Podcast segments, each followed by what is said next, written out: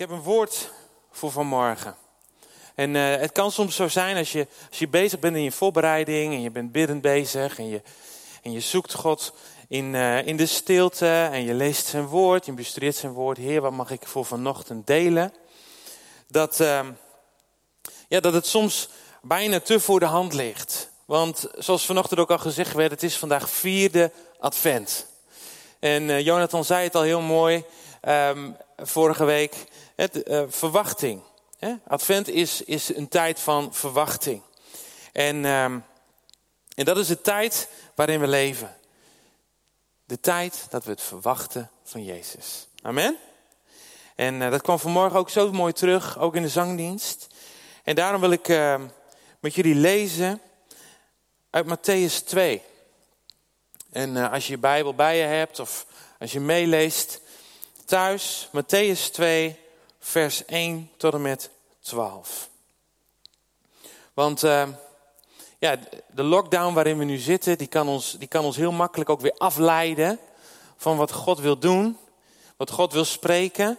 Maar ik geloof dat het woord voor vanmorgen ook echt een woord is wat raak is. Ook in de tijd waarin we leven. Want als we iets leren uit de Bijbel, he, dat is dat God ons niet altijd behoedt voor tegenslag, voor ziekte of voor crisis. En zowel in het Oude Testament zien we hoe uh, mannen en vrouwen van God uh, te maken krijgen met tegenslag. Ook in de laatste preken die ik deelde ging het over de wapendrager. Ging het over Obadja en het ging over Jaël. En als we iets uit deze verhalen kunnen leren, dat is dat God ons niet altijd behoedt voor strijd, maar dat hij van ons vraagt om er doorheen te gaan. Samen met Hem.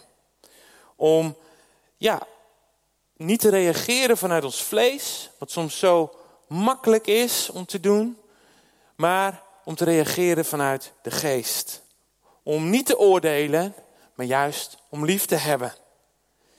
En wat ik net ook al deelde, in 1 Korinthe 13 zien we hoe Paulus dat heel mooi uitlegt dat in alle kennis die we hebben hier met elkaar, we nog niet eens het complete plaatje zien. Maar dat we straks werkelijk zullen kennen zoals wij gekend zijn. En dan gaat het niet meer over kennis, maar dan gaat het over het kennen van Jezus. En daar gaan we het vanmorgen over hebben. Jezus.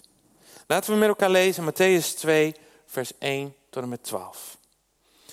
Toen nu Jezus geboren was in Bethlehem in Judea, in de dagen van koning Herodes, zie, wijzen uit het oosten kwamen in Jeruzalem aan en zeiden, waar is de koning van de Joden die geboren is? Want wij hebben zijn ster in het oosten gezien en zijn gekomen om hem te aanbidden. Toen koning Herodes dit hoorde, raakte hij in verwarring en heel Jeruzalem met hem. En nadat hij alle overpriesters en schriftgeleerden van het volk bijeen had laten komen, wilde hij van hen weten waar de Christus geboren zou worden. Ze zeiden tegen hem, in Bethlehem, in Judea, want zo staat het geschreven door de profeet. En u, Bethlehem, land van Juda, bent beslist niet de minste onder de vorsten van Juda, want uit u zal de leidsman voortkomen die mijn volk Israël wijden zal. Toen riep Herodes de wijze onopgemerkt bij zich en vroeg hun nauwkeurig naar de tijd dat de ster verschenen was. En hij stuurde hen naar Bethlehem en zei, ga erheen en doe nauwkeurig onderzoek naar dat kind. En als u het gevonden hebt, bericht het mij, zodat ik ook kom om het te aanbidden. En nadat, hij de koning nadat zij de koning aangehoord hadden, gingen zij op weg. En zie, de ster die zij in het oosten gezien hadden, ging hun voor totdat hij boven de plaats kwam te staan waar het kind was. Toen zij de ster zagen, verheugden zij zich met zeer grote vreugde. En toen zij in het huis kwamen, vonden zij het kind met Maria, zijn moeder. En ze vielen neer en aanbaden het. Ze openden hun schatkisten, brachten hem geschenken: goud, wierook en mirre. En nadat zij door een aanwijzing van God in een droom gewaarschuwd waren om niet terug te keren naar Herodes, keerden zij langs een andere weg terug naar hun land. Tot zover. Advent, de tijd van verwachting. We zien uit naar dat wat gaat komen. We zien uit naar de komst van koning Jezus. De zoon Jezus, die door God de Vader aan een gebroken wereld is gegeven. Aan een wereld waarin, en jullie zullen dit misschien wel herkennen, er mensen leven die ruwweg kunnen worden gecategoriseerd in twee groepen. Twee groepen die je zonder meer herkent in je dagelijkse leven. En dat heeft niks te maken met je geslacht of in wat voor auto je rijdt. Het heeft niks te maken met je huidskleur of de diameter van je televisie. Nee, het is veel complexer dan dat. We leven namelijk in een wereld die bestaat uit gevers en nemers. De wat meer egocentrische mensen die beter zijn in ontvangen. En mensen zijn die beter zijn in geven. En dan gaat het niet over of je een kapitalist bent of een communist. Of je veel of weinig hebt. Nee, dit gaat over iets wat veel dieper ligt dan dat. Dit gaat namelijk over je hart. Dit gaat over wat voor hart heb jij. Je hart is namelijk waar het hier om gaat.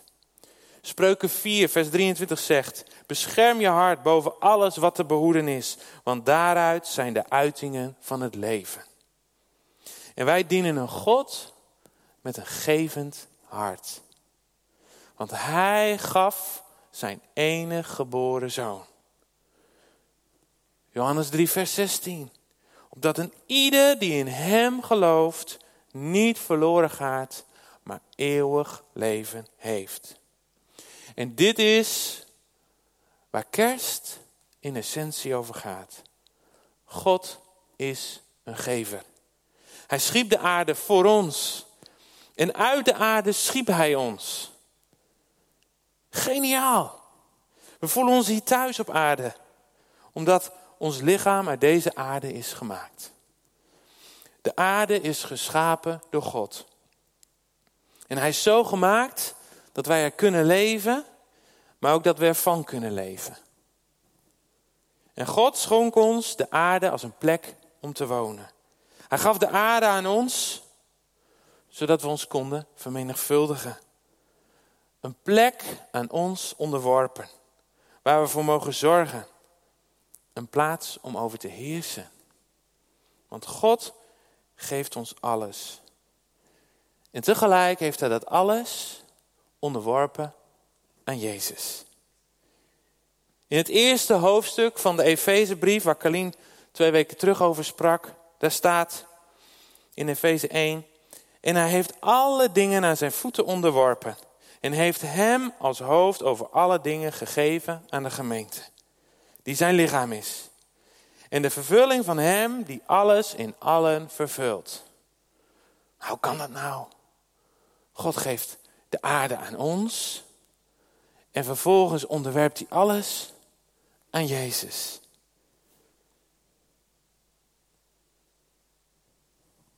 Van wie zijn wij? En van wie is de aarde en alles wat daarin is dan? En hier ligt het prachtige principe van geven verborgen. Hoe kan God ons alles geven en Jezus alles geven? En tegelijkertijd zeggen, de aarde en alles wat daarin is, is van mij. En het antwoord hierop lezen we in Matthäus 2. Jezus wordt geboren in Bethlehem. God verpakt in een menselijke verpakking. Want wat God aan je geeft, pakt Hij altijd voor je in. We zien dit bij de geboorte van Jezus. En bij de voetwassing. Als hij zich omgort met een kleed. Maar ook op andere plekken zien we dit beeld. Jacob, die zijn zoon Jozef een mantel geeft. Een koninklijke mantel, ver voordat hij ooit onderkoning wordt in Egypte. Maar we zien het ook op andere plekken. De ark van Noach. Mozes in het mandje. De tabernakel. De tent. De tempel en een voederbak. Of liever gezegd, een broodbak. Waar Jezus als het brood des levens in ligt, ingewikkeld in doeken. God pakt alles in. En ze laten ons allemaal zien, God is erbij. God is aanwezig. God is in controle. Emmanuel, God is met ons. En wij als mensen, wij kunnen dit zo makkelijk uit het oog verliezen. In onze alledaagse zorgen en problemen worden we opgeslokt. Als we geconfronteerd worden met menselijke beperkingen zoals tekort of pijn of afwijzing. Maar God, bij God is er altijd een uitweg. Zijn wegen, zijn plannen, zijn wil is altijd groter dan dat wij kunnen bedenken. En precies zoals God het wil, midden in de chaos van de gebroken wereld, die ten onder gaat aan zonde en schuld, wordt Jezus geboren in Bethlehem. Precies zoals de profetieën hebben voorspeld, is daar Jezus. En we staan aan de poort van deze tekst in Matthäus, die ons vertelt dat Jezus hoog bezoek krijgt. Matthäus, die ons als Jood wil laten zien dat Jezus de zoon van David is. De Joden die als verbondsvolk van God een lange en rijke geschiedenis hebben met God. God heeft zichzelf aan zijn volk Israël geopenbaard door Abraham, Isaac en Jacob. Door de profeten en koningen. Door de wet. Door de geschriften. En de, geschriften die getuigen over Jezus. En dat wat wij het Oude Testament noemen, staat vol met profetische woorden die de komst van deze Messias, van Jezus, voorspellen. En daar gaan we later nog naar kijken. En Matthäus wil de gemeente ons laten zien dat Jezus de koning is van de Joden, waar de profeten en de geschriften het over hebben. Hij wordt geboren in Bethlehem. Maar op het moment dat dit zich afspeelt, zijn we al een stuk verder in de tijd. Ongeveer een jaar of twee. En Jezus is inmiddels een peuter of een dreumes. En hij woont met zijn vader en moeder in een huis. In Bethlehem. Zo'n 10 kilometer onder Jeruzalem. En in Jeruzalem, daar woont de koning van de Joden.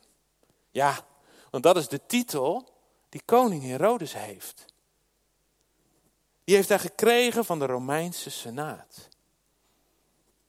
Herodes de Grote is de koning van de Joden, staat er.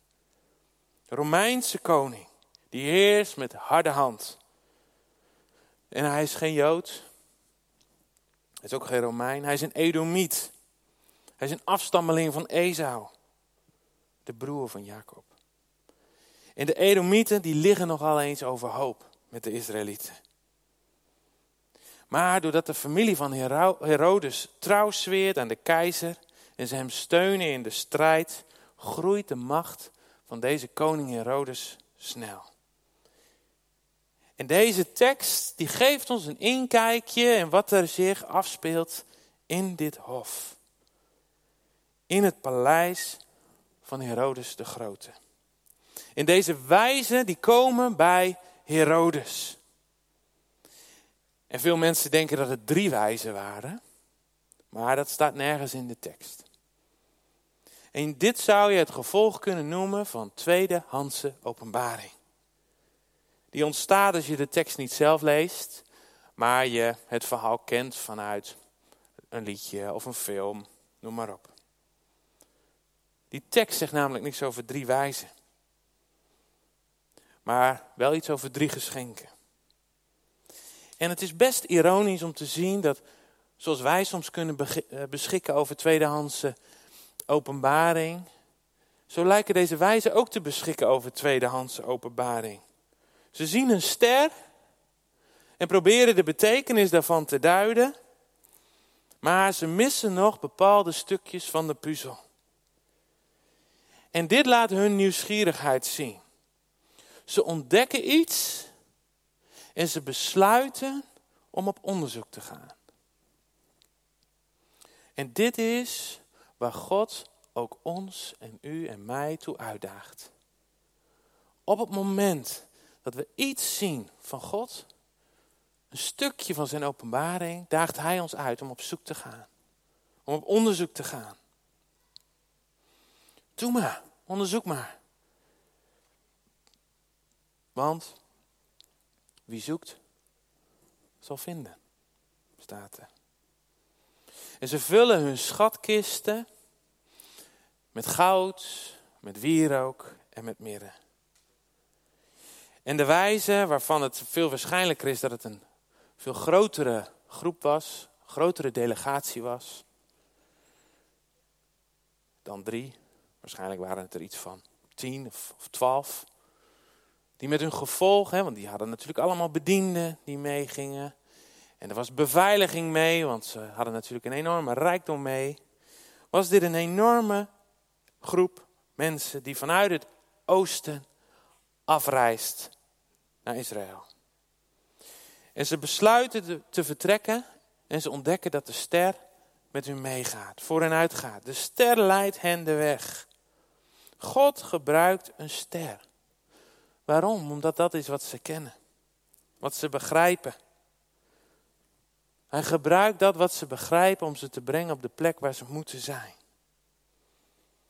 En de vraag die dan bij me opkomt is van ja, maar wat is dan de reden dat ze op weg gaan? Wat is de reden dat deze delegatie besluit om te gaan? Wat is hun belang? Wat is hun belang om te gaan? Want het is namelijk nogal wat om op basis van een richtinggevend hemellichaam zo'n reis met al die risico's te ondernemen. En gezien de enorme hoeveelheid aan geschenken, is het wel duidelijk dat deze belangen van deze reis groot zijn. Het zou heel goed te maken kunnen hebben met handelsbetrekkingen die er liggen. Deze wijzen die beschikken over macht en rijkdom. Het zijn mensen met macht en rijkdom. En die hebben er belang bij om relaties te onderhouden met andere mensen met macht en rijkdom. Ja toch? En de koningen in de omliggende landen, die sturen elkaar geschenken bij bijzondere gebeurtenissen. Zoals een huwelijk of een geboorte. Allemaal met als doel om die belangen goed te houden. Want dat was oh zo belangrijk. Dus je zou kunnen zeggen, er ligt een politiek of een economisch belang aan ten grondslag. Dat de wijze doet besluiten om op weg te gaan. Want Judea, de plek waar die, waar die bijzondere gebeurtenis plaatsvindt, was een belangrijke handelshotspot. Er liep een handelsroute van het oosten zo naar de Middellandse Zee. En Judea was een, was een, een, een rijk gebied in die periode, een belangrijk gebied. En die wijzen die snappen dat. Die snappen dat natuurlijke belang om die betrekkingen, die relaties goed te houden. En het is eigenlijk best bijzonder dat die wijzen, die, die niet-Joodse wijzen, op pad gaan. En die Joodse geestelijke leiders, ja, je, je hoort of ziet ze bijna niet in, dit, in deze gebeurtenis. de, de Joodse uh, overpriesters en schriftgeleerden, die genoemd worden in deze tekst, die eeuwen van hemelse openbaring en profetieën hebben gehad, door de geschriften heen. Pas als ze door Herodes worden gesommeerd om uitleg te geven, komen ze met een verklaring. Oh, het zou dit kunnen zijn. En hoe is dat in jouw leven? Want soms kunnen wij, net als die geestelijke leiders, blind zijn voor wat God wil doen in ons leven. Wij denken dat we het bij het rechte eind hebben. Wij zijn toch het volk van God? Wij zijn toch de gemeente? Wij zijn toch het lichaam van Christus? Ik ben toch een kind van de Allerhoogste God? Allemaal waar. Maar als je toe gaat passen op jouw leven als een recht, en jij denkt dat je gerechtigd bent om je beter te voelen, om beter te weten, soms misschien wel met de Bijbel in de hand, met de geschriften en de profetieën in de hand, dan gaat het mis. Dan kun je net als deze schriftgeleerden de boot missen. Want deze Joodse schriftgeleerden, eigenlijk waren ze gewoon in hun hemd gezet. Door niet-Joodse wijzen. De wijzen die begrijpen wat het inhoudt om een koning te eren. Om een koning te geven waar een koning toekomt. Ja, er staat zelfs om hem te aanbidden. En de schriftgeleerden, ze worden door Herodes gevraagd om uitleg te geven. Wat is hier aan de hand? Hij heeft een delegatie bij zich staan uit het oosten. En hij weet van niks. En de overpriesters en de schriftgeleerden, ze komen met een uitleg. Ze komen met de openbaring vanuit de Heilige Schrift. Die laten zien wat de profeten eeuwen daarvoor al hebben geprofeteerd. En ze openen de schriften voor de wijzen uit het oosten. En dan staat er in Micha, Micha 5, vers 1. En u, Bethlehem Ephrata, u bent al, al bent u klein om te zijn onder de duizenden van Juda. Uit u zal mij voortkomen die een heerser zal zijn in Israël. Zijn oorsprongen zijn van oudsher, van eeuwige dagen af. In Jezaja 9. Want een kind is ons geboren, een zoon is ons gegeven. En de heerschappij rust op zijn schouder.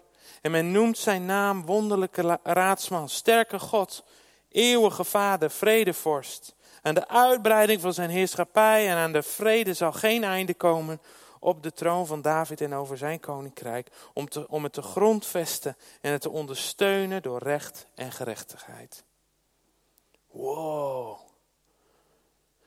En de wijzen, ze zijn onder de indruk van wat hen wordt geopenbaard vanuit de schrift. Geen tweedehandse openbaring meer, maar rechtstreeks vanuit het woord. En wat begon met die ontdekking van die bijzondere ster, blijkt nog groter te zijn dan ze ooit hadden kunnen of durven dromen. Wat begon als een politieke, economische handelsmissie, waarbij politieke of handelsbelangen het hoogste doel te zijn, worden gebeurtenissen die hun leven voor altijd verandert. Ze zijn getuigen van de meest bijzondere gebeurtenis in de geschiedenis van de wereld. God, die zijn eigen zoon naar de wereld toestuurt. De zoon van God, de wonderlijke raadsman, de vredevorst, de Messias. Hun hartslag gaat omhoog. Wat gebeurt hier? Het voelt bijna als een droom, maar dat is het niet. Het voelt onwerkelijk, maar dat is het niet. En ze volgen de ster naar Bethlehem en vinden daar de hemelse koning naar wie ze op zoek zijn. En hoe moet dat zijn geweest? Is dat wel eens afgevraagd? Ik stel me zo voor dat Jezus, nu een jaar of twee oud, lekker in het zonnetje buiten aan het spelen is. En een beetje zo rond dat huis rondbanjet, rondloopt. Lekker aan het spelen. En dan ziet hij op een afstandje die imposante delegatie aankomen van markante figuren. Zo stel ik me dat voor. En Jozef, die komt gauw uit zijn werkplaats gerend. En Maria komt het huis uit gerend en die pakt Jezus snel op de arm. Ze blijven enigszins, enigszins misschien wat verschrikt staan. verwonderd, misschien wel. Want wat een heisa en een toestand in dat dorpje. Dit maken ze niet mee op die plek. En Jezus, hij kijkt ze aan. Met zijn grote bruine ogen. En de wijzen, ze kijken naar Jezus. En de tijd die staat stil. Dit moment lijkt wel eeuwig te duren. Terwijl ze daar oog in oog staan met de eeuwigheid. Oogcontact. Tussen Jezus en de wijze. Zo. Oogcontact. Tussen God en de mens. Oogcontact. Tussen de schepper en het schepsel. Wat eeuwenlang niet mogelijk was. Wat zelfs Mozes, Elia en David, konden hem niet zien. En de wijzen met hun gevolg, ze kijken hem recht in de ogen. Kijken recht in de ogen van Jezus. En ze weten, dit is hem. Dit is hem.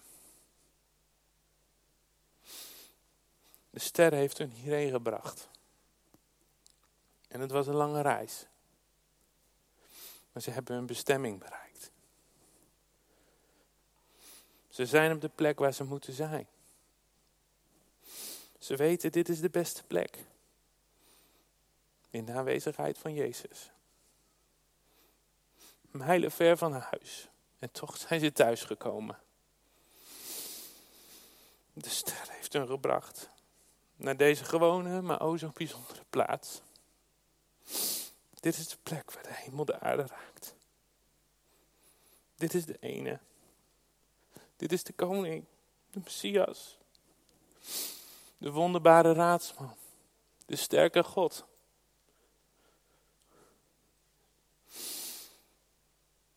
De vredeworst, waar die overpriesters en die schriftgeleerden het over hadden. Hier in Bethlehem ontmoeten ze de vredevorst. En zijn koninkrijk is niet zoals dat van ons. Zijn land is niet zoals dat van ons. Met onze belangen en onze conflicten en onze waanzin en onze chaos.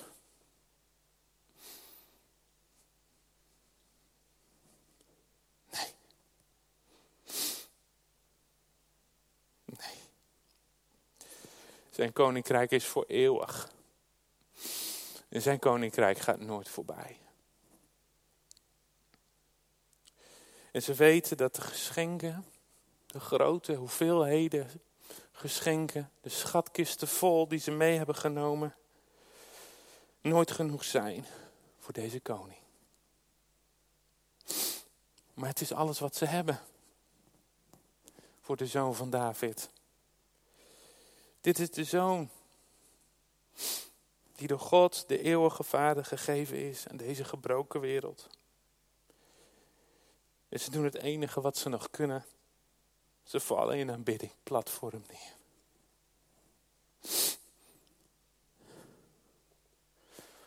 Op die aarde waaruit ze zelf zijn gemaakt. In een aanbidding openen ze hun schatkisten. En ze geven alles wat ze nog hebben. Wetende dat dit nooit genoeg is. Het is alles. Het is alles wat ze nog hebben. Want hun harten hadden hij al gewonnen op het moment dat hij ze met zijn grote bruine ogen aankeek. Weet je, dat is onze Jezus. Dat is onze Jezus.